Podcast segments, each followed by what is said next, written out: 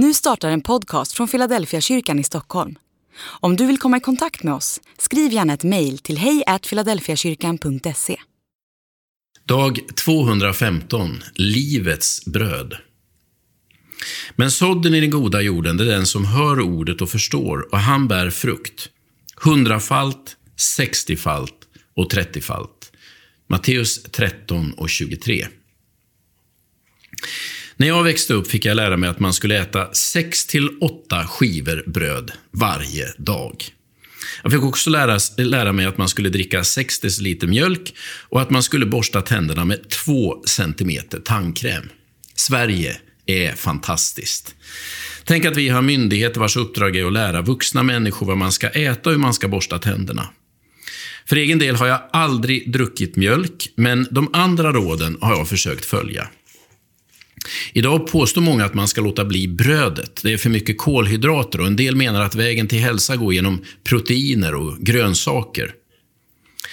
Allt har sin tid och jag gissar att jag kommer att få uppleva ett antal nya riktlinjer och hälsoråd innan jag lämnar den här världen.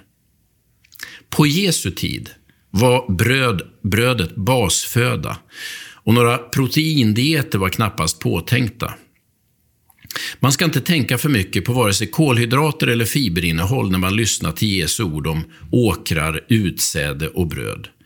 Man ska tänka att det handlar om det som kan göra mig mätt och ge mig ny kraft för dagen som kommer. Man ska tänka att det handlar om det jag kan erbjuda gäster eller tiggare som ber om min hjälp.